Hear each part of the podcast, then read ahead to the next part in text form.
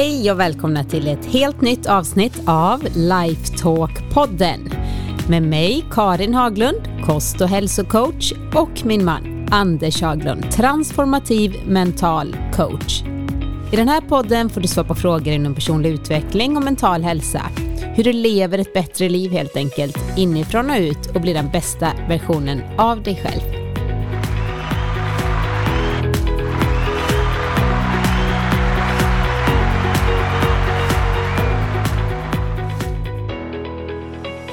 Hej Anders! Hej Karin! Hur mår du? Jo tack, jag mår bra. Vad härligt. Mm. Jag är väldigt glad att jag... Ah, nej, nu hör jag att jag är lite hes och ni som undrar, oj, hon varit förkyld. Men nej, det har jag inte. Vi var på Liseberg igår och jag åkte då Balder för första gången.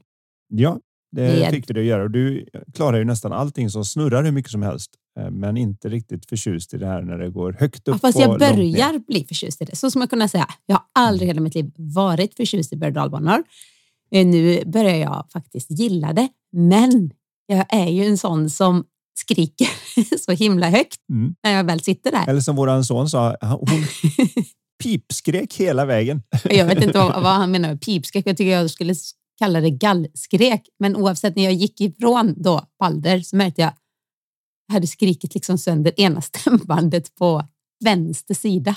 Så ja, ja. Så kan det vara. Ja. Mm. Och jag är men inte var... tvärtom. Jag kan åka hur fort som helst, upp och ner och allt möjligt. Men när det börjar snurra så blir jag illamående. Så där fick du åka med barnen istället. Och jag älskar det. Och jag har inga problem liksom rent sådär med att det ska vara jobbigt så, men jag kliver ju av. Jag kommer ju fortfarande ihåg den här gången när första gången jag tog med dig på Disney World och det var när Universal, Universal Studios. Studios. Nej, det var faktiskt på Epcot Center. Ja, just det. det var det. Orlando. Journey to Mars. Och du, när vi gick in där och så när vi kom ut så sa du så här, men nu måste det gått bra för det snurrar ju inte alls. Och så sa jag, kände inte du ens hur mycket det snurrade? Och jag, bara, jag tänkte, du, har du verkligen... Eh, jag tyckte jag bara att jag kastades rakt. Alltså det kändes ju som man, eh, vad var det man skulle åka till månen va? Jag, eller till Mars. Okej, okay, så det kändes som man bara flög ut som en eh, raket i ljusets av. hastighet eller något. Nej, men det kändes som det bara fung, så här ut i luften. Och snurra? Nej, absolut inte. Men alltså det snurrar. Tänk någonting som snurrar så mycket att du inte upplever att det snurrar. Man trycks bakåt. Det är ju som en sån där som de använder faktiskt för att träna piloter och annat. De snurrar runt, runt, runt för att då Du måste ha känt detta då, så du var medveten om att jag kommer nog inte må så bra. Det förstod jag ganska snabbt att eh, jag, jag skyller det här på att jag skulle ha ovanligt bra balanssinne eller något. Men eh, jag blir lätt eh, sjösjuk och sånt när det snurrar och gungar lite för mycket. Men jag har inga problem med fart och sånt där då.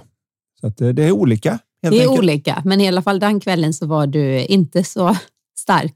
Nej, var... den eftermiddagen kan man säga var en eh, washout helt och hållet. Nej, men du blev liksom någonting. Ja, du mådde verkligen inte sjösjuk skulle man kunna säga. Men, så... Men det var väldigt roligt i varje fall att få vara där med barna och eh, åka berg och för min del. Och eh, dessutom Halloween. var det ju Halloween som man hade alla de här märkliga demonerna och allt vad det nu var som är oerhört spännande för de små. Får man mm. förklara mm. lite för den minsta att det är faktiskt människor där inne som bara spelar och är aktörer. Men det är fascinerande för mig det här just att många kan stå i kön och vara lugna men är jätterädda när de åker. Medan andra, de är rädda i kön och är lugna när de åker. Vilket för mig då som håller på med det jag gör är ett av de stora bevisen på det här med att vi lever till 100 procent i känslan av våra tankar. Så när vi har rädda tankar i kön så är vi rädda i kön och när vi har rädda tankar när vi åker så är vi rädda när vi åker. Och om vi gör tvärtom så är det tvärtom. Då kan vi vara lugna när, när vi står i kön eller när vi åker. Det skulle jag kunna vara ett eh, levande exempel på, för innan säga, vi kom i kontakt med den här sortens av, vad ska man säga, psykologi eller Ja, vi kallar det vi, Principle of Mind, 3P. Så när vi psychology. träffades precis och så, då var jag den som var räddast i kön och räddast under åkturen. Och modigast antagligen eftersom jag var så himla rädd och gjorde det ändå. Mm. Så jag var inte den som, nej jag vill inte göra det, utan jag gjorde det, men jag var så rädd så att nästan, du vet, benen skakade, jag kunde inte stå upp. Nu, på riktigt, så är jag inte ens rädd i kön. Alltså inte alls. Nej. Kanske vissa säger, men vadå, du är inte rädd i kön? Nej, men jag var det verkligen. Så det är därför jag säger det är sån skillnad. Jag sätter mig ner, drar ner den här, börjar åka och är inte rädd. Sen så känns det som att jag fysiskt blir sådär, ah, när magen nästan vänds ut och in när man åker liksom rakt ner och så. Men någonstans så uppskattar jag det också. Annars hade jag inte gjort det. Jag, jag gillar det verkligen. Jag, känner att det här är faktiskt riktigt roligt. Och jag sa till Colin när vi åkte längst upp där på ballet, titta, jag har ögonen öppna Colin. Wow! Han bara, nu kommer den där 70 graders, eller vad var det? Lut ja, 70 graders lutningen backen. Ja. Okej. Jag tror jag blundar, sa jag bara för att jag tycker det ändå är lite så fysiskt otäckt på något sätt. Men för mig, alltså det är som natt och dag. Jag skulle helst velat bara liksom sprungit och åkt. Jag försökte få honom att åka hel. Nu åker vi Helix. Ja, men den, den vill han nog nästa gång. Den har han inte gett sig på än. Nej. Men det är fascinerande då just det här man ser då hur folk vänder i kön. En del går ju tillbaka och säger nej, jag vågar inte. Mm. Och ser att jag är inte på den, utan det är att jag tänker att det kommer vara jobbigt och när jag tänker hur jobbigt det är så får jag en jobbig känsla och så gör vi så att vi på något vis skickar den in i framtiden och tänker att om det är så här jobbigt att bara tänka på det, då måste det vara jättejobbigt att faktiskt göra det. Medan vi människor fungerar oftast precis tvärtom. Att det är ganska jobbigt att tänka på det, men när vi väl har det framför oss så är det inte lika jobbigt. Vad det än råkar vara. Det kan vara att man ska tala om någonting för någon och så är det jättejobbigt att tänka på att man ska tala om det. Och så när man väl talar om det så oftast är det inte en jättebig deal. Det här är en väldigt mänsklig grej, men vi har en tendens att glömma av det. Att det är tanken som skapar känslan så att det kommer inte vara värre när man väl gör det. Allt som oftast. Det här gör ju att många inte kommer ut och motionerar på morgonen till exempel. Jag har själv många gånger gått på den tankebluffen när man ligger i sängen och så tänker man att ah, jag ska ju upp och springa idag. Och så känner man efter hur det känns i kroppen. Så tänker man på det och inser att gud, om jag går ut och springer när jag mår så här, då kommer det vara fruktansvärt. Och så har man på något vis lurat sig själv att nej, när jag är tio minuter in i löpturen kommer det kännas helt annorlunda. Och jag kommer vara så glad att jag är där ute. Och varje gång man kommer på det så går man bara ut och springer. Om man inte kommer på det så är risken att man ligger kvar för att man mera är fokuserad på hur varm och skönt täcket är än att hur skönt det faktiskt är att komma ut och röra på sig. Mm. Och det är den så att säga, tankebluffen vi alla måste syna för att få det gjort som vi behöver göra. Och en del är naturligt duktiga på det, andra får kämpa lite mer. Inom olika sammanhang. Du är ju till exempel en av de som har väldigt lätt att få saker gjorda. Men sen då kan ha lite klurigt med den där förut. Förr i tiden hade klurigt med att man tänkte någonting var kusligt. Att det blev ännu kusligare. Så, men sen var ju du också den där då som överbryggade nästan med mod. Mm och gjorde det fast det inte var speciellt njutbart då. Nej, nej, precis. Jag stod ut med det och fick ja, det och, gjort. Och fick i och för sig en kick efteråt för att när man är så otroligt ja. rädd för något som till exempel när jag var bungee jump och jag kommer ihåg den killen sa där som var uppe och tänkte säga, skulle inte putta men du vet, jag kommer inte ihåg, de puttade liksom. ut med liksom, ett, två, tre, tre nu liksom. kör du. Liksom. Han, han sa så här, kom ihåg nu, tvekar du en gång, liksom, då är det kört. Du, du, du, du kommer inte hoppa då. Nej, nej, okej. Ett, två, tre, hoppa oh, jag tvekade. jag klarade inte. Men jag gjorde ju det ändå på andra mm. hoppet, vilket talar om, för han sa att de flesta, då har du väl tvekat en gång så men han visste du kommer inte det, få att du är en sån polarity responder, så det faktum att han sa att de flesta gör ja, ju så. Då var jag tvungen att, att göra det. Men oavsett, det jag hade gjort nu är att jag hade njutit mycket mera och det, det, är så himla härligt för att livet är ju, vi har pratat om det och du gjorde någon liten reel igår på Liseberg om livets berg och dalbana, ups mm. and downs, så att det verkligen är så. Men att lära sig njuta av åkturen. livet, åkturen, vad det är. Och det skulle jag säga att jag är ett levande exempel på, för det gjorde jag inte innan. Och de det flesta är, är ju så. ganska duktiga på det när de går in och tittar på en film. Jag tror ingen vill sätta sig på en film där det är de var lyckliga, de träffades och sen levde de lyckliga ever after och så var det färdigt. Så att allt är safe och bra. Utan vad man i dagsläget betalar sina 165 kronor eller vad nu en biobiljett kostar idag. Det är ju för att gör vad du vill, men lämna mig inte oberörd. Mm. Låt mig åka berg dalbana. Gör mig arg på den där snubben som tog all cred för jobbet och han som snodde tjejen eller killen eller hon. Det, ta med mig på den där liksom när jag tänker nej, och få mig att skratta och gråta och bli rädd. Jag vill ha hela paketet. Men jag vill också veta att jag är safe i min lilla stol i biomörkret. Mm. När vi har lite samma säga, vinkel in till livet så att det blir mera som att avnjuta en film där vi på något vis vet att inget det verkligt är hotat. Det är lite svårt när man vet att vi allihopa ska vandra den vägen än så länge om vi inte kommer på någonting för att leva för evigt. Men än så länge så är det ju så att händer det någonting tillräckligt så är det över.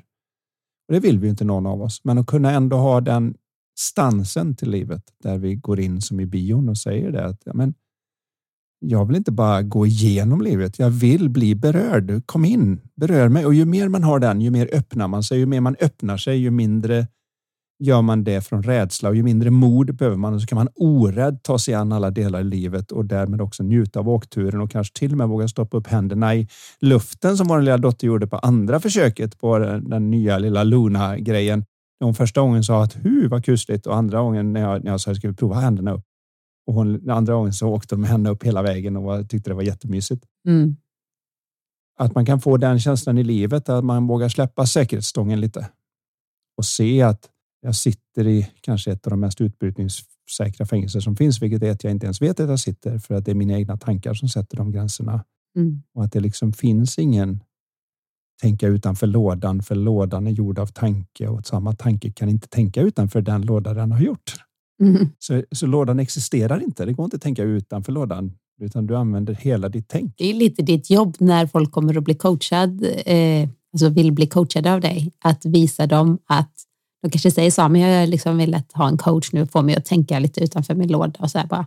Okej, okay, men jag kan visa dig att alltså du förstår själv att du har ingen låda. Det finns ingen låda. Det har aldrig funnits en låda. Obegränsade Det är ganska möjligheter. häftigt. Men du, nu ska vi inte sitta här och babbla över, även om det var eh, väldigt intressant. Det blir nästan som en fråga i sig, men jag tänkte nu går vi vidare på eh, dagens första fråga. Och som vanligt vill jag bara säga, eller disclaimer här då, att jag har ingen aning om vilka frågorna är, utan det är Karin som har fått in dem från er lyssnare. Så vill ni överraska Anders nu? Så skicka in lite Skicka in frågor någon liten till eh, weird fråga. Karin.lifevision.se Så han blir riktigt överraskad. Så jag blir, eh, blir utmanad. Jag gör ju mitt bästa och alltid och ja. svara, men det är klart, är det någonting som jag inte kan så får man bara villigt säga att det här är bara min gissning och det här har jag ingen riktig koll på eller vad det kan vara. Men vi får se nu då vad det är som ja. dyker upp i detta avsnitt. Så här har den här personen skrivit. Hej, jag undrar över en sak. Vi vill ju alla åstadkomma så himla mycket i livet. Finns det några knep för att få det att gå fortare? Det vill säga nå framgång och nå sina mål så fort som möjligt. Kan använda mig av det mentala, affirmationer, övningar och så vidare. Kort och gott, hur sprider man upp framgång? Går det? Ja, självklart går det. Eh, det bästa sättet är att göra som man gör när man går in på Ica och inte hittar det man ska. Om det bara är så att de faktiskt anställt lite folk så finns det alltid någon i en röd rock med en vit Ica-grej på. Så kan man säga det. Ursäkta mig, kikärtor och så säger de gång 22, tredje hyllan, pang och så går man dit. Det är ett sätt att speeda upp framgången. För hade jag fått leta igenom hela Ica Maxi själv så hade det kunnat ta en stund att hitta kikärtor. Men genom att fråga en som redan är väl verserad i de omständigheterna och hur det funkar så kan jag speeda upp det. Så det är det första sättet att inse att nästan allting om du studerar historia är redan gjort på något vis. Kanske inte exakt så som vi ska göra det nu, men det mesta. Så det är någon som redan har listat ut affärsidéer. Det är någon som redan har listat ut hur man eh, når mål lite snabbare. Och det är ett av skälen hoppas jag att ni lyssnar på den här podden då, för att jag har redan tryckt i mig över 1300 böcker och kanske kan då på något vis destillera och fram ett någonting. ett antal tiotusentals timmar som coach, ja. som föreläsare. Och rest till andra coacher och föreläsare och lärt mig av dem på samma mm. sätt. För det har varit sättet att speeda upp. Nu insåg jag plötsligt när man börjar bli äldre att nu är man inte längre den där unga talangen där alla undrar hur kan du kunna så mycket när du inte är äldre som de tyckte när man var 30 eller någonting. Nu har det gått så mycket så nu man på något vis gå på gammal och vis snarare än ung talangfull och så. Men vad det handlar om är just det att precis på samma sätt speedar man upp allting. Det är själva grejen. Hitta någon som redan har gjort något liknande och lär av dem. Och som tur är så är det här det tidevarv när det är som enklast. Därför att innan så var du tvungen att kanske åka och sätta dig på ett plan och betala för hotell. Jag vet inte allt och nu kan du gå en webbkurs för tusen spänn. Tänker in, innan dess så var man Bara söka på internet och få det gratis. Det är liksom alla delar med sig av sina kunskaper. Det minsta grej. Liksom. Hur öppnar man en burk? Hur gör man med tandställningen? Jag vet ju själv bara man tittar på eh, lite videos med jag kan varmt rekommendera i det här sammanhanget när man ska sprida upp framgången som heter Alex Hermosi. Eh, väldigt duktig kille. Det finns en massa människor där ute. Vad gör han då? Eller? Nej, men han är specialist just på business. Om man nu okay. är intresserad av det. Hur speedar man upp så att man snabbast möjligt. Han är inte den där get rich quick. Alltså så här blir du rik snabbt varianten, utan mera. Det här är tufft. Det här är jobbigt. Här är hur du gör det så bra och snabbt som möjligt. Okej. Okay.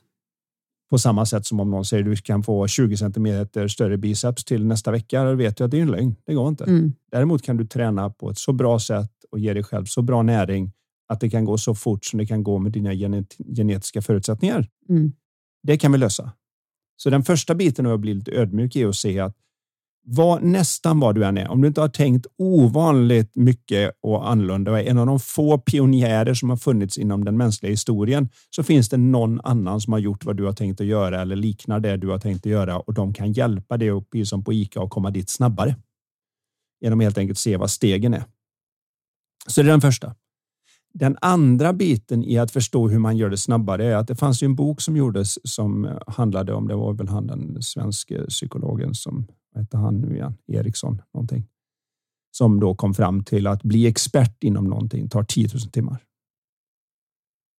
Men det är ju klart att det stämmer inte riktigt. Det är ju det är inte så att alla människor på hela jorden, om de bara sätter igång och spelar biljard och lägger ner 10 000 timmar så är de världsmästare i biljard eller lägger ner 10 000 timmar på... Att de är väldigt mycket bättre. De är extremt mycket bättre, det kan vi komma överens om. Men vad vi vet är att det här kommer att ha ett ganska stort flöde liksom, mellan vad, vad det är. Och det som jag har upptäckt är att människor lär sig bäst när de lär sig som barn. Och vad är det som barn gör? Jo, de ser alla misslyckanden som feedback. Som andra ord, jag har inga misslyckanden för jag lärde mig någonting. Jag försöker ställa mig upp, trilla på rumpan, jag lärde mig något. Jag ställer mig upp igen och försöker igen. Jag gråter lite och ställer mig upp och så håller jag på. Ju mer jag gör det, alltså får in mina 10 000 timmar, ju snabbare går det. Vill jag nu då accelerera den så visar det sig att ju bättre sinnestillstånd jag är i medan jag gör saken och med bättre sinnestillstånd menar jag att jag är avslappnad och njuter av processen på något vis. Att jag tycker det är lite kul. Som till exempel, jag pratade med en eh, kille som höll på att trolla och hans sätt att lära sig att göra avancerade trolltrick, till exempel när man gör något som heter sleight of hand, alltså att man med bara händerna luras med kort och mynt och allt vad det kan vara. Och det ser ut som att han trollar på riktigt. Men hur han fick till det från början var att han såg framför sig vad händerna skulle göra. Men fingrarna vill inte böja sig på sätt som de inte ska, för lite av tricket är ju att du gör saker som den andra personens hjärna inte kan föreställa sig att du gjorde och därför ser det ut som att du trollar på riktigt. För du tänkte inte att nej, men han kan inte ha böjt lillfingret dit och hämtat ett mynt och det, det, det är omöjligt. Så det, det gick inte ens in som mina möjligheter, så därför så trollade han på riktigt till exempel. Det här är jättesvårt. Så vad han gjorde då var att han stoppade in sina händer i sina vision av vad händerna behövde göra och sen så började han och så blir det fel. Och sen så börjar han och så blir det fel och så börjar han så blir det fel. Och varje gång han kom lite längre så fick han en oerhörd känsla av yes, jag kom närmare. Lite som ett barn som är liksom igen, igen, jag var nära nu. Jag, nu vad duktig jag är, vad duktig jag är. Jag kan själv, jag kan själv, jag är igen. Jag kan, jag är jätteduktig, jag, jag, jag kan. Jätteduktig, jag kan. Så. Det här, det är ju vårt, så att säga, defaultläge egentligen och sen blir vi av med det för att vi i takt med att vi blir äldre tycker att det är naivt och så att säga glatt vara nybörjare eller så vidare. Men just den förmågan att förstå att allt jag gör i ett skönt sinnesstånd, alltså ju, ju en skönare känsla jag har till det som jag ska göra, ju snabbare lär jag mig det. Det är därför vi lär oss så bra när vi går in på en film, om vi nu går tillbaka till den diskussion vi hade precis i början. De allra flesta som ser en riktigt bra film går in och är helt tagna av filmen. Så man liksom, wow, den var bra. Man har knappt rört sig. Får du frågor om filmen nu så har du lärt dig hela filmen utan att veta om att du har lärt dig den. Är du däremot inskickad för att lära dig filmen, då kommer du förmodligen ha svårare för då kommer du sitta och fundera intellektuellt på det och tycka. Spänna dig lite. Ja, lite, lite anspänd och har det betydelse att hon kommer in från vänster, att de sa det och att det var en blå grej i bakgrunden och allt vad det kan vara. Så plötsligt blir du helt inne i detaljerna och så kommer du inte ihåg filmen överhuvudtaget. Det är så den mesta pedagogiken fungerar idag. Man tror att om jag bara går till mycket in i detaljerna så får jag helheten. Istället för att se att om jag avslappnat tar mig an helheten så brukar jag få med mig detaljerna. Och det är ju en diametralt motsatt sätt att komma snabbt framåt. Då. Så den första delen i det här är Ta hjälp av någon som redan har varit där. Det är det absolut säkraste sättet att speeda upp det. Vill jag lära mig att bygga en båt, gå till en båtbyggare. Har du inte råd att betala dem för expertisen, säg att du är gratis hjälp och att du kommer göra det dåligt i början, men att det kommer vara värt det. Eller kolla på Youtube. Eller kolla, det går ju det också. Men vi människor har ju då de här små spegelneuronerna i hjärnan och det visar sig till exempel att en, en baby som får en spansk nanny lär sig perfekt spanska. Och jag vet inte vem som har gjort de här experimenten, men de har tydligen gjorda. Men däremot en baby som får titta på en spansk nanny som pratar spanska på en iPad på bild lär sig inte spanska lika bra. De lär sig fortfarande mer. Det märker vi med barnen till exempel hur bra de pratar engelska för de sitter och tittar på massa engelska videos och sånt. Så de är mycket bättre på engelska än vad vi var i samma ålder. För de har blivit, bättre. Hjärnan har blivit utsatt för det. Men hade de haft en verklig person så är det någonting med hur vi härmar ansiktsuttryck och läpprörelser och sånt som gör att vårt uttal blir bättre och vår förmåga blir bättre. Så att det, det går bra om man inte kan ha personen, men vill du speeda upp det max då så att du har max är det. Hitta experten och häng med dem. Bli, bli deras lärling som man gjorde förr. Man gick in i köket hos bästa kocken och så hänger man med dem och sen ett år senare så vet du inte varför det är så bra och alla andra som bara tittat på Youtube och läst kokböcker har inte kommit dit på fem år. Nej, det var lite roligt när, när nu ska vi tänka här, var det, ja, det var första barnet, alltså det var Vince som jag ammade, kommer jag ihåg. Så att det, han är 13 och ett halvt, så det är Tänker länge sedan. Jag köpte in dig som en överraskning hos eh, Giuliano. Giuliano Brotman, eller vad han heter, i, eh, i, i LA. Jag vet faktiskt inte ens om han har kvar den här restaurangen som hette han var ju den första it-gurun inom raw food. Eh, för lite I alla fall en, en, en av dem. Ja, en av dem där, fall. Men... Eh, han hade en helt magisk raw food lasagne. Kommer ihåg, så vi åt. Oavsett så, så var vi och hängde där och, och Vince var bebis. Och eh, vi var där, du blev coachad tror jag, eller var på kurs. Jag kommer inte riktigt ja. ihåg, men vi, vi hängde där i några veckor i Santa Monica och hade mm. väldigt trevligt. Och du, vi var där och åt och så pratade du med honom och hade styrt upp i hemlighet att jag skulle få vara med på en kurs med honom och, som han brukar ha i köket, i köket innan öppning på en söndag eller vad det var då de öppnar senare på söndagar. Fyra timmar. Och när jag kommer dit på morgonen då du berättade det här för mig, jag var taggad och ni, du och Vin skulle komma för att jag skulle amma med jämna mellanrum och lite sådär. Eh, och så sa han liksom, nej men hej, så här, det blir bara du och jag för att eh, det var ingen annan som var anmäld idag. Nej. Och jag bara, ching, alltså sån tur. Det blev ju jätteexklusivt, så ja. jag fick alltså gå med honom. Nu var han ju helt, lite, han var jättehärlig, väldigt rolig.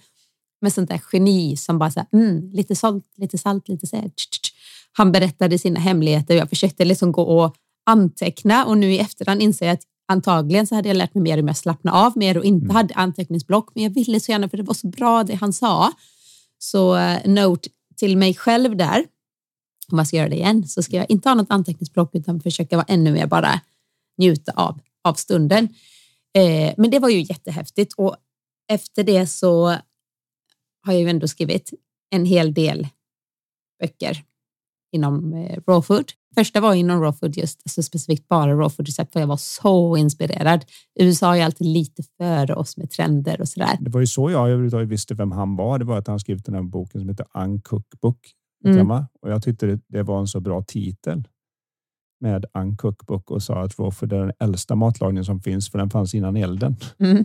Jag kommer ihåg den grejen han hade där. Det var ett av skälen där som man eh, kände till honom. Så tyckte han var lite roligt också. Helt plötsligt sa han så här, sträck på dig. nu gör vi lite, vad var det han sa? No hands yoga. Jag bara, okej, okay, vad är det? Nej, men varför ska man ha händerna? För att du ska kunna göra alla yogapositioner utan att använda händerna. Så han liksom typ tog upp sitt ben, nästan sätter det bakom axlarna på något sätt utan att använda Utan att själv hand. stödja, med, dra dit den med armar och händer. Så. Shit, vad impressive eh, person alltså. Ja. Men där har du precis det här som jag menar då att det är det första steget. Hängs i den mån du har möjlighet till och i, i dessa tidevarv så är det första gången som vi då har möjlighet att säga att ja, jag vill veta mer om neurobiologi och Andrew Huberman har en podcast så jag kan lyssna på honom gratis. Men då åka till hans labb. Jag kan få hans bästa destillerade kunskap om det. De är ju fantastiska de. Ja, avsnittet. Ja, det, är, det är jättebra och det finns massa sådana olika vad det än är. Om det så är att du undrar hur man klipper en hund eller om det är att man funderar på hur man syr ihop en sko eller om man vill ha tips på hur man får loss sin sladd när den har fastnat på något outgrundligt vis istället för att klippa av den så kan du göra det hela tricket. Det spelar ingen roll vad det är idag så kan du få speeda upp processen genom att göra det. Och nummer ett är att få, få göra det in person. Nummer två är att man får göra det med ljud och bild. Nummer tre är att man gör det i text, för då kan du inte se hur de gör det beroende på hur praktiskt lagt själva grejen du vill lära dig är naturligtvis. Men det, det är det absolut nummer ett för att speeda upp det. Det är det som har gjort att hela den mänskliga historien går framåt så mycket. För när vi väl uppfann skriftspråket så dog inte all kunskap förutom till lärlingen. Utan nu kan jag, som jag gjorde i somras, gå tillbaka och läsa Marcus Aurelius reflektioner, alltså som han meditations heter han egentligen. Ehm, då kan jag få reda på vad en romersk kejsare som funderade på hur han skulle få sitt liv att fungera och hade oerhört insiktsfulla mänskliga idéer för 2000 år sedan. Mm. Och de kan jag lära av nu för att vi uppfann skriftspråket. Annars hade de varit borta. Mm. Nu var det i och för sig inte ens tänkt att de skulle finnas för han skrev allt det här till sig själv. Det var inte för att publicera. Jaha. Blev det publicerat i efterhand? Nej, efter det var någon som död? hittade hans dagböcker så att säga. Okay. Och efter det så var det någon som tyckte att det här borde ju alla få veta och så la de ut det och det blev på ett sätt grunden för stoicismen. Eh, många ser väl det som så, även om de grekiska filosoferna var till en del. Men, men alldeles oavsett. Så då kan jag lära mig av det. Så det är ett jättesnabbt sätt. Det andra är då att ju bättre mitt tillstånd är, ju mer avslappnad och välmående jag är medan jag gör, ju mera flugpapper har jag i hjärnan och ju bättre funkar det i mitt nervsystem. Vill jag nu ta tredje steget så är det att om jag nu vill till exempel få mig själv att utföra någonting, om det är att jag ska göra en teknik eller ett beteende annorlunda så är en av de absolut bästa att speeda upp det. Det är livfullt för mitt inre med bild, ljud, smak, lukt, varenda sinne jag kan få med. Så att jag känner doften av löven när jag ska ut och gå i höst vad det nu än är. Och så ser jag framför mig till exempel om jag blir ändrad på mitt sätt att gå och jag sätter ner foten annorlunda och får hela fotbladet i och får mer av studsen i foten och lite lätt böjd med knät så att jag inte får den här smällen när jag går och håller hållningen rätt. Och så ser jag det framför mig nästan så att det börjar rycka lite i kroppen. Man kallar det här mikrorörelser som kan bli när du livfullt föreställer dig någonting det blir en form av övning, då, en mental övning, att man ja. föreställer sig det man vill ska I förväg. ske. För allting som du ser omkring dig i världen idag uppfinns två gånger. En gång i sinnet hos någon och sen på utsidan. Så man, jag vet inte vem du ska ta, men ta någon designer. Vem, vem du nu än gillar som gör, gör möbler till exempel. Och så tänker de på att nu jag ska komma på en ny stol så föreställer de sig ritar, föreställer sig ritar och sen så när det börjar bli någonting så gör de ett provexemplar och så sitter de och känner och utvecklar och sen så kan det bli en klassisk stol som går att sälja i alla tider. Mm.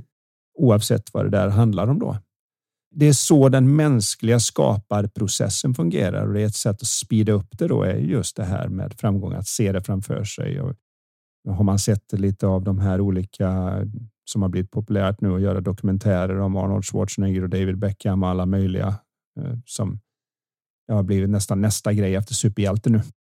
Att ta våra riktiga superhjältar och se vad de faktiskt gjorde, både sina svagheter och styrkor. Men det de alla har gemensamt är att de, de lyssnade inte på alla runt omkring sig. De sa att nej, det kommer inte gå. Gör nu som alla andra. Nej, där var de aldrig, utan de föreställde sig och hade en vision för vad de ville åstadkomma och så gick de steg för steg i den riktningen tills de var framme. Precis som det var någon kinesisk filosof som sa det spelar ingen roll hur lång resa det är så ett steg i taget så kommer du dit. Sen kan jag ju ifrågasätta lite och det kan ju vara bra att ifrågasätta sig själv. Att varför vill man ha så bråttom med att åstadkomma så mycket som möjligt i livet också? Men det är mm. klart att man vill uppnå, men jag ser ju det väldigt mycket mer som så här, njuta av progress. Alltså njuta av resan Och man ska veta att målen. vissa saker lämpar sig inte alls. Så man är medveten om det. Ja, Jag tycker det är jättebra input där och vissa saker lämpar sig inte alls för att speeda upp. Eh, jag brukar nämna det som exempel att väldigt få mödrar vill att det ska ta kortare tid än 40 veckor. Vi skär ut ungen efter 20 veckor för varför ska jag gå här så här länge? Det går att göra effektivare. Nej, det gör det inte, utan det, det ska ta den tid det tar. Samma sak är det för en bonde som sår. Han kan inte komma tillbaka efter en vecka och säga var är mitt vete? Nu gräver jag upp skiten. Det ska gå fort. Så att vissa saker måste få ta sin tid. Mm. Det är samma sak när vi träffar varandra och så. Det, det, finns en, det finns en gång fram till den första intima stunden eller så. Det, den, den, försöker man speeda upp den så slutar det oftast inte väl. Det är med speed dating. Hej, ja. hej, ja, okej, okay. ska vi, vill du ha barn? Nej, men alltså, det kanske man inte frågar, men alltså, det blir så här lite weird att ja. allting i samhället bara ska gå fortare, fortare, fortare. För någonstans kan vi glömma, alltså vi glömmer av lite vad livet går ut på tror jag, när vi hela tiden skyndar mot... Det var Gandhi som sa det, att det, livet består av så mycket mer än att bara öka farten på det. Så det kan vi skicka med lite till den här frågan, men det var massa bra. Ja, jag hoppas att eh, vi fick med lite grann om de enklaste sätten att faktiskt eh, öka farten men samtidigt förstå att det lämpar sig inte för alla saker man ska ta sig till. Vissa saker behöver få ta sin tid. Och vissa saker är inte, jag vet inte om ni har varit med om det, när man bara känner att det här ska jag göra, men så får jag liksom inte det gjort. Och så tar det en stund och så tar det en stund och så plötsligt känner man, nej men nu, och så blir det jättebra. Då var det inte att jag gick och sköt upp. Det var att jag väntade på rätt timing. Mm. Och det där är lite klurigt att känna skillnad på, men om man verkligen lyssnar inåt så brukar man kunna veta när man är lat och skjuter upp och när man, det är inte riktigt känner att det inte är rätt tid. timing. Så att man inte sår på hösten så att säga. Mm. Det är väldigt bra. Vi tar en ny fråga. Tack för en så himla bra och givande podd. Jag älskar att ha er i lurarna varannan fredag. Lyssnar alltid när ni släpper nya avsnitt. Önskade ni släppte avsnitt oftare faktiskt. Oh. Det kanske mm. vi... Ja, vi får se. Eh, men nu till min fråga. Har fått ett nytt jobb, vilket är jättekul. Dock innebär det att fler tillfällen där jag ska hålla i presentationer och till saken hör att jag är sjukt obekväm med att hålla tal och att stå inför folk. Jag vet inte riktigt varför. Jag är inte direkt blyg eller en osäker person, men någonting händer när alla blickar vänds mot mig. Jag vill så gärna att det ska bli bra, men oftast låser det sig. Jag tappar orden eller händerna skakar som asplöv. Några tips till mig om detta och förresten kan jag gå på coachning hos dig Anders gällande det här problemet. Och detta är kram från Niklas. Mm. Eh, det är lite svar ja på alltihopa där. Japp, boka tid hos Anders och så går vi vidare med nästa fråga. Nej. Nej. Men det här är någonting som man ska komma ihåg. Varför kommer det sig att undersökningar visar att väldigt många människor faktiskt när de listar rädslor för liksom kulturen som helhet så ligger public speaking eller att prata inför folk högre än rädsla för döden. Vilket då någon komiker lite sådär putslustigt sa att det innebär att nästan alla människor som går på en begravning hellre ligger i kistan än håller i eologin. En håller i? Eologin, alltså mm. talet över den döde. Vilket är då en sån här grej som man kan tycka är konstig. Men vad det handlar om är att det är djupt grundat i den mänskliga själen. Vi vill inte bli offentligt utskämda på minsta sätt, därför att det skulle kunna innebära att man blir utstött ur gruppen och utstött ur gruppen evolutionärt sett innebär att det inte går så bra för en. Vi är sociala varelser och behöver varandra. Och ett av de få tillfällen där man kan så att säga har möjligheten att bli publikt utskämd, alltså offentligt utskämd, är när man ställer sig upp och säger man någonting nu så att hela gruppen tittar på en som vad sa du nu? Det är en rädsla som ligger lite djupt i oss. Det gör att det är väldigt många som har den här och det, det späs ju på lite i skolan också för att när, när läraren, jag vet inte om vilken generation ni tillhör, men i min generation så var det oerhört tydligt när läraren plötsligt sa att nu ska vi ha någon som ska redovisa något och så tog de fingret och svepte med en rak arm ut över så att säga eleverna. Och man bara väntade på den där och jag tror ingen kände att ja, ta mig. Utan det var alltid en känsla av att nej, nej, nej, nej, nej, nej, nej, nej, nej, nej, nej. Och så, åh, det var inte jag. En lättnad. Det var en lättnad inte... att det inte var jag, att det var någon annan som fick ta den smällen och gå fram och redovisa så att säga. Och redan där hade man ju ingen skön känsla till det. Och mycket av det handlar ju om genomgången efteråt där det väldigt sällan var bara positivt och glam och show utan det var väldigt mycket av kritiken i feedbacken. Liksom, rörde på dig för mycket. Det, det tror jag är mycket bättre nu faktiskt det, i skolan. Det tror jag också ändras väldigt man, mycket i skolan. Man eh, förstår den. Men det gjorde också att många blev, jag vet ju inte åldern på den här personen, men jag nej, säger bara att man absolut. kan få nästan som en, man kan säga så här, den som fick gå fram fick nästan en fobi installerad. Och de som satt och tittade på den stackars obekväma personen fick ett obehag för det, men nästan ingen kände att åh, vad jag vill stå där. Mm. Så så sätt är det lite naturligt. När man nu pratar om vad man ska eventuellt göra åt det här så är det första steget det är att se det att vi får våra känslor från våra tankar och vad vi kan ställa till inne i huvudet när vi tänker på saker. Jag menar, jag har haft klienter som har velat ha hjälp med det här och tycker åh, du är ju så bra på att prata. Kan inte du hjälpa mig? Och säger jag visst, det kan vi väl se. Och det vanligaste som händer är att när de ska gå upp så har de så mycket tankar på stora dömande, oblinkande ögon. Vissa som ser sig själv helt nakna. Det är elände och skratt och det, det, det är liksom bara hur de värmer upp inne i huvudet för att gå upp och säga hej. Och det, förutom att vi gör lite övningar för att bryta den kedjan så att den inte blir som att knacka någon under knät hos läkaren och det är bara en reflex och så kickar benet ut. För det kanske man måste först bli av med så att det inte blir automatiskt. Den andra biten är att de flesta är okej okay med att prata med en person, kanske två, tre och fyra personer också. Men det finns alltid en gräns där de säger att nu är det åtta personer. Nej! Eller nu är det 20 mm. personer. Nej! Det gick bra till 19. Så vi gör upp en grej i tanken att dit upp går det bra, men sen är det för många och då blir det jobbigt. Om man riktar blicken lite ovanför de man ska prata med och väljer en person att prata med så brukar det gå ganska bra. Och den personen behöver inte vara i verkligheten för då står man och stirrar på en stackare i publiken som känner sig utpekad.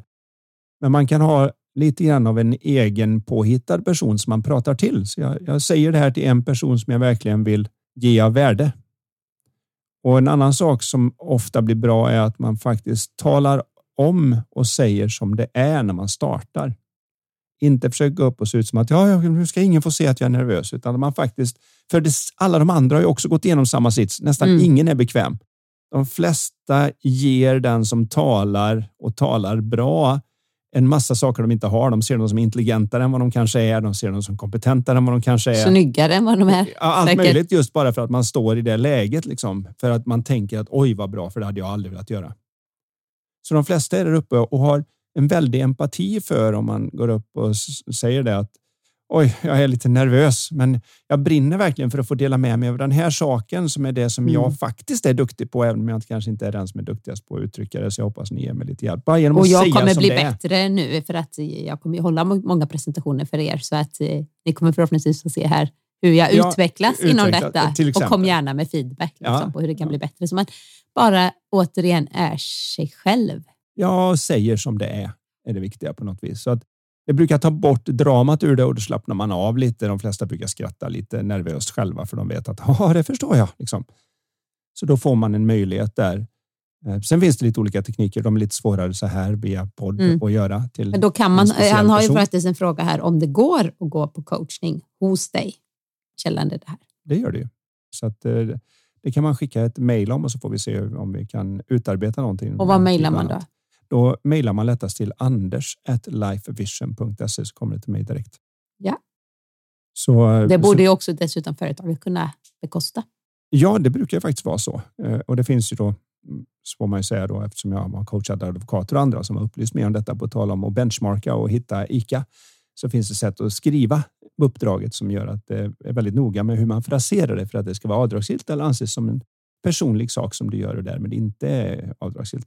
Men det spelar inte så stor roll. Själva grejen är att eh, det finns saker att göra med det här, men en av de första är att man börjar se att den känsla jag har i min kropp kommer från vad jag tänker om det här och andra människor som går upp och pratar lugnt om detta. De tänker inte samma sak. Och det är lite fascinerande. De tänker antagligen ganska lite om att de ska gå upp och ja, hålla en presentation. De bara är mera, oj, presentation, är det något jag behöver eh, öva in eller ska jag liksom ta det som det kommer? Har jag papper? Och sen, de blir ganska praktiska, bara det de behöver tänka på. Medan de som har svårt om det, de lägger timmar på att grunna på det. Ja. Grunna, fundera. Och det är den mängden tanke som gör att det är så. Är Om jag ska göra en konstig jämförelse, för ibland är det lättare att prata om något annat än det problem man faktiskt står inför. Jag tror inte det är någon som är orädd för hissar som tänker speciellt mycket på att åka hiss. Om man inte ska åka hiss så drömmer man inte om att åka hiss. Man sitter inte och tänker kvällen innan på att åka hiss. Man tänker inte på morgonen om att åka hiss. Man tänker inte ens på att åka hiss när man står och väntar på hiss. Man står och pratar med någon och så går man in och ser om det är en knapp man som kanske tänker, ska jag ta trapporna eller hissen? Och då brukar du och jag tänka ja, trapporna. trapporna. Men eh, ibland tar man hissen ändå. Ja, men vad så jag det är den frågan man ställer sig. Har jag inte ett problem att åka hiss så spenderar jag minimalt med tid på att tänka på hissar och att åka hiss. Det är de gånger som hissar dyker upp så går jag in och tittar om lampan lyser på rätt våning och gör den det så står jag kvar och gör jag inte det så, så trycker jag på knappen. Eller som någon komiker sa att de borde införa dumhetsskatt och dumhetsskatt är att när någon tittar på knapp, hissknapparna ser att deras knapp lyser men trycker på den ändå så ska man säga till dem. Ursäkta mig, det blir 100 kronor i dumhetsskatt. Och om de ger dig 100 kronor så är det 100 kronor till. men grejen är att man tänker inte speciellt mycket på det. Men om man däremot har en hissfobi eller rädd för att åka hiss, då spenderar man en ganska extraordinär mängd tid att tänka på hissar, åka hiss och hur man ska klara sig ur situationer och hur man gör om man hamnar nära och allt vad det är. Och det de personerna inte ser är att de tänker ju allt det här för att de vill komma ur sitt problem, men det är det som håller dem i problemet. Samma är det oavsett vilken rädsla vi står inför, för det är märkligt just det här att någon som är jätterädd för spindlar kan inte förstå hur man kan vara rädd för ormar eller åka hiss eller stå framför folk. Och någon som är väldigt rädd för att stå framför folk har lite svårt för att förstå att någon kan vara rädd för de andra sakerna. Mm. För att vi har inte de tankarna om det just då. Och då kan vi också benchmarka lite grann som vi går tillbaka till ICA-frågan där. Att då är det bra att prata med någon som är ganska duktig på det och, bli smittad av deras sätt att tänka om det. Och se att okej, okay, jag kan prata med en person. Ja, då går jag upp och pratar med en person. Eller så kan jag vara så här att vet du vad, jag kan gå igenom nästan vad som helst för jag brinner för det här ämnet. Jag vill dela med mig av värde och det här är vad jag vill att de får med sig härifrån. Det är det sista jag gör innan jag går upp på scen. Alltid. Mm. Är att jag i mitt huvud så går jag igenom igen. Okej, okay, vad är det viktigaste jag vill att alla ska gå härifrån med? De ska ha åtminstone en idé om det här och så skulle jag vilja att de förstår det här och det här. Så jag går in på outputen och inte på vad jag ska göra, för det finns så många olika vägar dit och då blir det inte så viktigt att jag säger rätt ord i rätt ordning. Det viktiga är att de går ut och har fått med sig grejen. Mm. Och det, för när man, ju mer jag staplar upp och tänker att nu har jag förberett mig och nu ska jag säga alla de här orden, då blir jag så spänd för, och det räcker att jag missar ett ord som de andra inte ens vet att jag hade tänkt att säga. Och så är jag inne i mitt huvud igen istället för att säga att jag vill dela med mig av det här från hjärtat så mycket jag kan. Och bara genom att gå in i det. Så självklart kommer jag kanske fortfarande vara lite nervös när jag går upp och när jag startar, men det kommer släppa ganska snabbt i det här att jag är ju här för jag vill prata om detta. Det här är vad jag brinner för. Det här är vad jag delar med mig av. Det här är vad jag skulle vilja att ni fick med er. Jag går in i värdet jag bidrar med snarare än att vara i min personliga bubbla om mina problem och när jag tänker på att jag vill bidra så kan jag inte tänka på att vara rädd och så går det ganska bra. Inte. Nej, men det här tror jag har betytt mycket för många. Jag tänker det är inte bara att man håller presentationer, man kanske ska hålla ett tal eller som du sa på någon begravning eller bröllop. bröllop eller vad det nu kan vara. Så uh, jättebra. Vi hinner med en fråga till. Och den lyder så här. Alltså tack för bästa podden. Tack säger. Vad skönt positiva alla är som skriver in här. Vad skön, eh, Lägger du fin, till att de tycker så bra om den? För jag ska bli glad när du läser frågor. Din första mening. Eh, jag ser fram emot varje nytt avsnitt. Denna fråga är kanske speciellt till Karin och kommer här. Hur påverkar kost och motion vår mentala hälsa och vilka små förändringar kan göra en stor skillnad? Tack, tack. Hälsningar från Sara. Nu kommer jag in på det vi gjorde för exakt ett år sedan Flow Summit. Kommer du ihåg det? det här vi var med både du och jag ihop med Deepak Chopra och flera andra riktigt bra talare. Ett sånt online, gratis online event.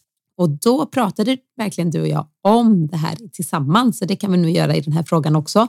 Om kost och motion och hur det påverkar. Finns det en koppling? Vad är hönan? Vad är ägget?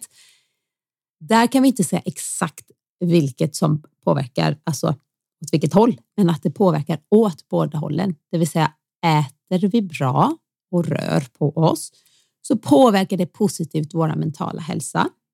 På samma sätt eh, jobbar vi med oss själva, är i mera mental klarhet och så säga, vår mentala hälsa så påverkar det vår fysiologiska hälsa. Egentligen är ju allt ett och samma. Människan är ett och samma.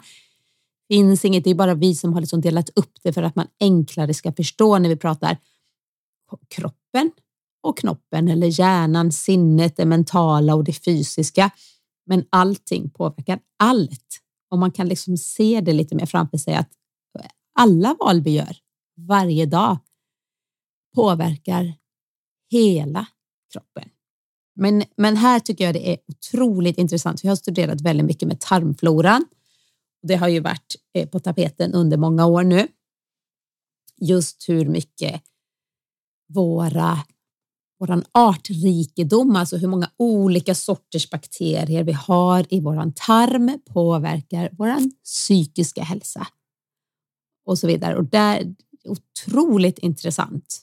Man har ju till och med kunnat komma så långt nu såg jag att man har kopplat vissa arter av bakterier till depression och annat för att påverka vagusnerv och signaler upp till hjärnan och ens förmåga att producera dopamin och serotonin och allt möjligt annat som är. Så. Man kanske tror ibland, va? varför är jag deprimerad och liksom stackars mig? Jag tycker inte, men så kan det ha en grundläggande orsak i till exempel vad man äter eller hur många antibiotikakurer man har genomgått eller man haft någon kraftig tarminfektion som har rubbat så att säga, miljön. Det man vet idag är ju att vi har ju inte alls lika bra varken mångfald eller antal goda bakterier i, i våran tarm. Tyvärr, som vi hade tidigare. Eller om man ser på de här mera som lever lite mer som ursprungsbefolkningar så har de jag tror det är samma sak även om vi tittar på kanske inte många tänker på att vi tänker bara på tarmen, men det är ju även bakterieflora ute på huden och så. Absolut. Och idag så tvättar vi oss med olika kemikalier. Vi umgås inte lika naturligt ute i naturen med djur och avföring och allt vad det nu kan vara där ute. Alltså, så vi får inte riktigt samma flora överhuvudtaget. Så vi har inte samma naturliga symbios med naturen nu som vi hade förr och det syns ju både i allergier och annat. Eksem och så vidare. Och, och, och, det ska man komma ihåg att huden är ju våran första barriär mot virus i den här tiden nu vi pratar om liksom immunförsvar och så vidare. Huden, och hudens mikrobiota, alltså flora, tror jag är det nya nu som kommer komma, alltså bli mycket fokus framöver. Nu har liksom folk förstått att ja, mage, tarmbakterier, det gäller att äta kanske lite surkål och kimchi, vilket jag tycker absolut är en av de här grejerna man kan lägga till varje dag. Köpa, se till att den är opastöriserad eller göra egen. Det vill säga är den pastöriserad så är det ju, har man ju dödat de goda bakterierna eller i alla fall många goda bakterier. Så att man matar sin mage och sin tarm med bra saker. Eventuellt kan man kanske behöva något, någon probiotika. Men även som du säger faktiskt nu, hur våran alltså hud eh, påverkas så alltså att vi, vi behåller en god skyddsbarriär mot omvärlden. Och det handlar som du säger om att alltså påta lite i jorden. Att vi behöver inte vara så där överrenliga. Vi behöver inte hålla på och duscha oss och framför inte hålla på och skrubba oss och pila oss och sådana här äh, som folk går på ansiktsbehandlingar och det är olika syrabehandlingar och det ska kemiska peelingar och allting. Alltså på riktigt. Det är helt crazy. Jag går inte på några former av behandlingar. Jo, det finns en, en i Borås som gör så här ekologisk hudbehandling. Eller så hon är jättebra. Kanske jag går till henne en gång vartannat, vart tredje år och får någon ekologisk ansiktsmask och lite massage och sånt där. Men alltså, vi håller på och duschar och pilar och tvättar oss alldeles för mycket. Ja, i varje fall med de kemikalier att vi har eh, som då oftast är. Ja, man köper ju alltså Tittar man på allt som är i olika tvålar och schampo nu och tvålar, alltså herregud. När allt egentligen behöver något som löser upp ytspänningen i dropparna, för det är det som gör att både vi tvättar bort eh, bakterier och att vi gör vad vi gör. Men jag tror att det är viktigt att komma ihåg att faktiskt huden är kroppens största organ. Tänker man inte på när man ska jämföra med lever och annat, men det är viktigt. När man vecklar ut den så ja. är den väldigt Ja, men även stor. när du väger den så är, är, jag tror en vuxen man har eh, hudvikt på 11 till 13 kilo eller något sånt där. Så det är ju inget annat som väger i närheten så mycket som huden. Och man tänker inte på att det är ett sånt viktigt organ som både andas och så. Tänk på den här gamla Bondfilmen Goldfinger där de målar en tjej i guld för att döda henne. För att mm. när du mm. blir helt tät i hela huden så dör du av kvävning Oj. fast du andas. Är det så? Ja, eh, påstod filmen. Jag vet inte om ja, jag okay. fortfarande gått på det. jag tänker men... man måste kunna andas ändå, men till slut, det måste ju Ja, du får Kväv, inte, alltså du får inte, ut, du kvävs, du får vare sig Du kan ju varken få ut eller, svett eller... Eh, ja. På något vis i alla fall. Jag får, mm. Efter att vi har poddat klart för nästan ta reda på hur mycket av det som var en myt. Men jag förmodar att Ian Fleming som skrev boken... Det ligger i alla fall boken, lite sanning i det tror jag. Ja, eftersom Ian Fleming som skrev boken var ganska välfärserad och påstod sig själv vara spion från början eller något så förmodar jag att han hade läst på lite om detta. Och hade det är ganska det dyrt sätt att mörda någon. Och måla dem med guld. Måla dem äkta. Nej, det var ju att han var Goldfinger, men jag skulle tro att samma ja. sak händer om du målar med en vanlig tät plastfärg eller någonting över hela kroppen. Det är säkert inte jättebra. Både av själva kemikaliedelen och att huden inte andas. Och sen har vi det här som du nämnde. Det är ju den inre bakteriefloran och maten och vi vet också att eh, väldigt mycket av det som finns i mat som tryptofan och sånt här som är förstadier för att överhuvudtaget kunna göra serotonin och dopamin och alla såna här saker. Att om man inte får i sig det så får man problem med både sömnen och glädjen och välmåendet. Det är väldigt lite av det i de processade matsorterna som oftast är kemiskt framställda för att vi ska tycka att mm, gott. Det är nästan som en bastard som gör att det ska, man har trycket på alla nervsystemets knappar för att få den att verkligen gilla det snarare än att man faktiskt får ge nervsystemet en chans att säga det här är bra för mig, mer av det. Utan man kör över det bara. Och det här är långt ifrån naturligt, men har blivit ganska normalt. Så, så, så det är självklart en... är eh, svaret på frågan där att ja, det är en väldigt nära koppling och ju mer naturligt man äter, ju närmare kommer man nog det där. Om jag då får ta lite av min bit av det så det mesta startar ju med en mental insikt. Det startar upp den här processen som du gärna vill att man gör. Den startar ändå med någon form av insikt där man ser hur viktigt det är så att jag startar upp idén om att börja göra något bättre fysiskt som sen hjälper mig mentalt. Men ofta så är hönan i lägget, det är nästan alltid svaret är att det börjar med en mental liten push. Absolut. Att det är starten och rulla igång snöbollen. Inspirationen och det är också den som krävs för att det ska bli varaktigt och inte bara två dagar eller en vecka. Utan man ska lära sig och där, det, det är ju det här jag brinner för att hjälpa fler och fler att hitta en livsstil som de njuter av och trivs med. Och där tror jag också att det är så viktigt att man bara mäter delta. Och delta för den som inte är verserad i matematik eller så, det är att man mäter skillnad. Så att jag inte jämför med andra utan att jag tar min baseline och utgår ifrån. För just nu är det nog ganska många som är lite lätt deprimerade över att titta på Youtube och annat Därför att vad man ser där, man brukar prata om att här är vad topp 1 gör som inte du gör och sånt, det gillar de att skriva. Men jag vill påstå att du blir inte utsatt för topp 1% Topp 1% är en på hundra. Det innebär att vi skulle ha i Borås med 120 000 pers så skulle vi liksom ha vad, 1200 personer eller något bara i den här stan som ser ut som eh, någon gör på en fitnessvideo. Nej, det gör man inte. Det är, det är liksom en på promillen, en på tusen, en på tiotusen som du nu ska jämföra det med både vad det gäller skönhetsideal och styrkeideal och flexibilitet och balans och hoppstyrka. Och så säger de så här, men titta här, jag lever så här naturligt, kolla på min hy eller bla bla bla, vad det nu kan vara. Och så jämför man precis där och så kollar man sig själv i spegeln och tänker man, va? Men det är, utan man får hitta det här, är det inte i Japan man pratar om kaizen, att man ser liksom alltså förbättringen? Det, vad har hänt sedan förra veckan? Kaizen i sitt förhållande. Har vi lyckats vara lite mer kärleksfulla mot varandra? Har vi lyckats reparera efter ett gräl istället för att tro att man aldrig ska ha några meningsskiljaktigheter? Har vi lyckats med de här? Har vi blivit lite bättre på det? Mm. Det är att mäta kajsen. Har jag, har jag lagt till mer grönsaker? Ja, faktiskt. När jag lyssnade på deras svar här på podden. Så tog jag ett äpple är... istället för den där eh, proteinkakan eller något. Ja. Till exempel. Eller jag tog faktiskt lite kimchi och la fast jag tycker det är lite till. surt och eländigt eller vad det kan vara och inser att det här, jag börjar med i varje fall en matsked. Och jag skulle så... säga en tesked. Absolut kan ja. man börja med för att vänja kroppen och sen så kan man kanske komma upp till en, två matskedar sådär. Och det slår ju Men att man gör det hela tiden. Kultur, bifidus, acidus, du vet, eh. Ja, det är väldigt bra att äta de här fermenterade. grönsakerna. Och gör man det själv dessutom, vilket var länge sedan kom jag på nu som jag gjorde. Jag har blivit lat där. Så, men man kan ju köpa bra ekologer i butiken också. Men då blir det också mycket billigare. Det kan ju vara bra i dessa tider.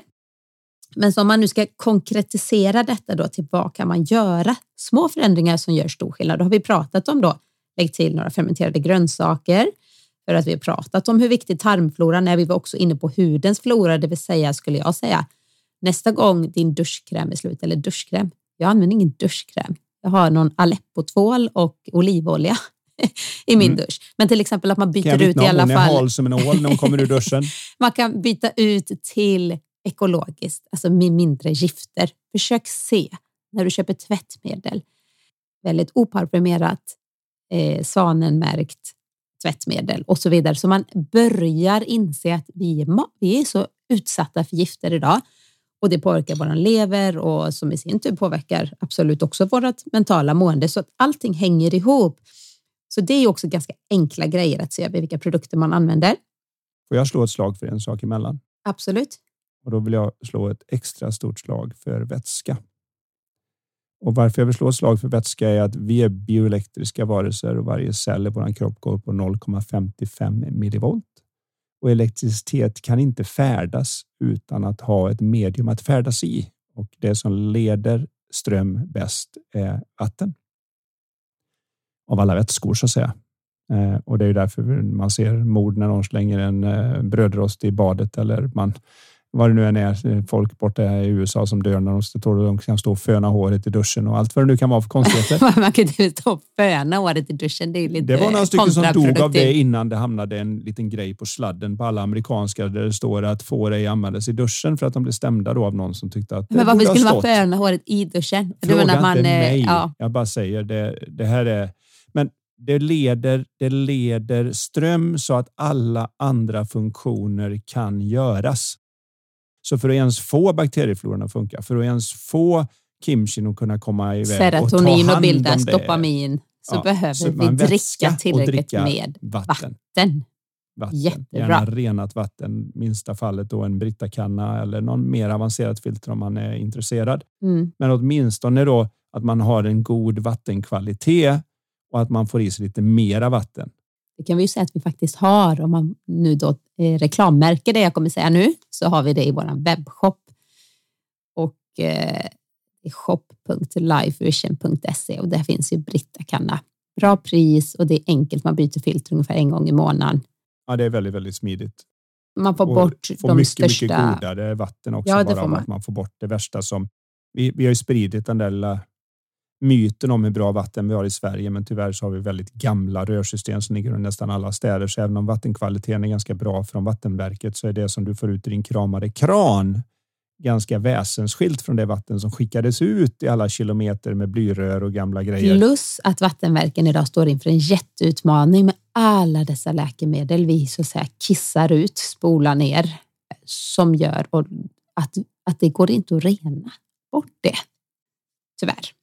Så eh, man det får finns i specialfilter för det också i och för sig. Då, ja, jo, jag menar, men det går att rena, men jag menar från Vattenverket, det som ja, kommer från våran kran. Det går att rena bort, men de flesta vattenverk mycket. med den volym de hanterar skulle bli för dyrt, så därför gör man inte så. Man ska säga att det inte går. Nej, det, bara, det går ju ja. säkert, men, men vi har inte liksom riktigt Nej, där vi har inte tagit den eh, prion än för att vi ja. tycker att vattnet är bra. Så jag ville bara slå ett slag för vattnet på grund Väldigt av elektriciteten och det andra och att vi lättare får bort alla avfallsprodukter med hjälp av vatten också både när vi, via avföring och via njurar och kiss och via svetten i kroppens största organ som är huden, den som faktiskt är det största eliminatoriska organet i kroppen för att få ut alla giftämnen som bromsar vår förmåga att vara glada istället för deprimerade och så vidare.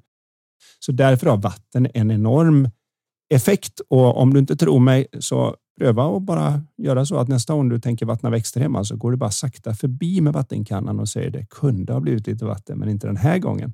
Eller släng lite kaffe. Ja, eller släng lite händer. kaffe på din blomma eller häll lite whisky och vin på blomman eller ta lite Coca-Cola på blomman eller vad det nu än är som en del dricker istället för så vågar jag utlova att det går så där för den växten. Och då blir nästa fråga, är du också en kolbaserad livsform på planeten jorden? Och att det vi letar efter när vi letar efter liv är vatten. Utan vatten så vitt vi vet inget liv. Och det märker vi så fort någonting så att säga. Det är inte bara växter som torkar ihjäl. Gamla människor dricker mindre och mindre och blir som vissna höftslöv på slutet där de liksom skrumpnar nästan. De blir väldigt mycket kortare när diskarna skrumpnar ihop. Och det är för att man fått i sig och ber du en gammal människa att ta ett glas vatten, jag behöver inte dricka, jag är inte törstig. Jag är törstig, jag kan ta en, en kopp kaffe. klarar jag mig fint. Så, ja, det, det är tragiskt faktiskt. Nej, men mer vatten, mer. absolut. Och jag skulle säga mera, jag förespråkar regnbågsmat. Och det är ganska enkelt att tänka när man har gjort sin lunch eller middag eller frukost. Så här. Oj, det saknas lite färg kanske. Vad kan jag lägga till? Det blir mm. väldigt kreativt. Och så man försöker tänka i regnbågens alla färger från naturliga råvaror. Då, då får man innebär mycket frukt, bär och grönt. Jag skulle säga då så självklart rörelse. Det har vi pratat om i flera poddavsnitt. Men att komma ut och gärna i frisk luft röra sig. Det går återigen fram till att det är inte bara att tillföra näring, det är också att avfallet ska bort. Du har fyra gånger mer lymfa i kroppen än vad du har blod, men blodet har en pump och lymfa kan bara flytta sig när du rör dig mot gravitationen eller muskulärt kontraherar musklerna, alltså drar ihop dem och sträcker på dem. Så ju mer rörelse man har, ju mer flyttar sig så att säga lymfan och när lymfan flyttar sig blir du av med dina avfallsprodukter. När du blir av med avfallsprodukterna blir du renare. Du kan till och med märka att synen är bättre. Och du märker det tydligt om du tar en liten promenad eller en löptur så är det ofta när du är 15-20 minuter ut som du blir nödig eller något liknande. Speciellt om du inte gör det ofta. Mm. Då, då, blir du så att säga, då kommer kroppen antingen säga att åh, nu kan jag göra rent. Så rörelse är jätteviktig. Och sen hinner vi knappt komma in på det kanske viktigaste av allt, vilket då är sömn. Ja, det tänkte jag säga. Jag ville säga en grej till, men vad bra, då säger vi det också. Sov, sov, sov, sov åtta timmar. Det sker det är så mycket bra medan man enkelt, sover. Men det är så bra för oss. Både och kan man tejpa munnen. Det är lite överkurs, men eh, testa det.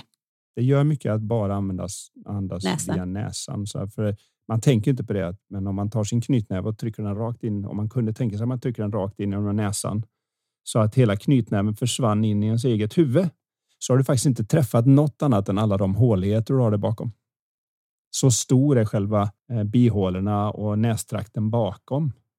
Det tänker man inte på det när man ser man sina två näsborrar och man tänker på munnen och så. Men det, de är ganska stort... tunna upp där, tänker ja, man kanske. Men det är ett stort utrymme som där vi är gjorda för att flöda igenom luft. Och om vi inte flödar igenom luft där så kan vi både få bakterieuppbyggnad, slemuppbyggnad mm. och vi renar inte luften. Vi värmer inte upp den och kyler inte ner den som vi ska. Det är massa saker som funkar så naturligt bra när man andas genom näsan. Och det här skulle jag kunna prata om typ fem poddavsnitt på raken känner jag. Men vill du lära dig mer om det så eh, kan vi passa på att göra lite mer reklam då. Och det är ju som så att jag har ju onlinekurser, vilket gör att oavsett vart du bor i Sverige eller utomlands, så länge du pratar svenska, för mina är på svenska, så kan du ta del av min kunskap, min inspiration, min guidning. Lyssnar de på det här så tror jag, om de har kommit en timme in i en svensk podd, att de, att kan de kanske är någorlunda okej okay på svenska. Om du kan svenska, uh, nej, men då, då går du in på karinhaglund.se helt enkelt och så klickar du in och väljer kurser där, vilken kurs du vill gå. Och jag har ju till och med en kurs ihop med Anders där du står för mestadels av mm. kursen. Mental hälsa heter den.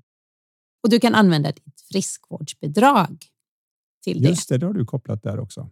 Japp, både på e-passi och eh, vår Wellnet, eh, men självklart också kan skriva faktura och sådär. Så att, men nu var det slut på reklam och jag vill avsluta det här fantastiska avsnittet med att dra en fråga från vårt spel som heter Live Talk. Oj, jag tycker vi har haft som avsnitt nu så har vi fortfarande kort kvar. Ja, det har vi faktiskt, för det är 88 i varje. Och vi 176 på... totalt. 76. 100 frågor kvar att dra innan vi har dragit alla spelen. Men man kan få det samlat i en box så man slipper lyssna i en timme före varje fråga. precis. Eh, vad är du stoltast över att ha åstadkommit i ditt liv fram till nu? Mm. Det är väl en härlig fråga att ställa till sig själv och mysa sig på. Ja, det är det verkligen. Och jag vill skicka med den här som min sista tanke när jag hör den frågan och det är det att det finns inget problem som du står inför i ditt liv som inte det som är bra med dig är bäst på att lösa. Då kan det vara bra att göra en liten inventering av sin egen stolthet så att man kan prata stolthet flytande och hämta sin egen styrka. För Det är det som tar hand om de utmaningar vi alla kommer stå inför i livet. Och med det sagt så är det dags att säga hej då för den här gången. Tack för att just du har lyssnat på våran podd. Hej på er!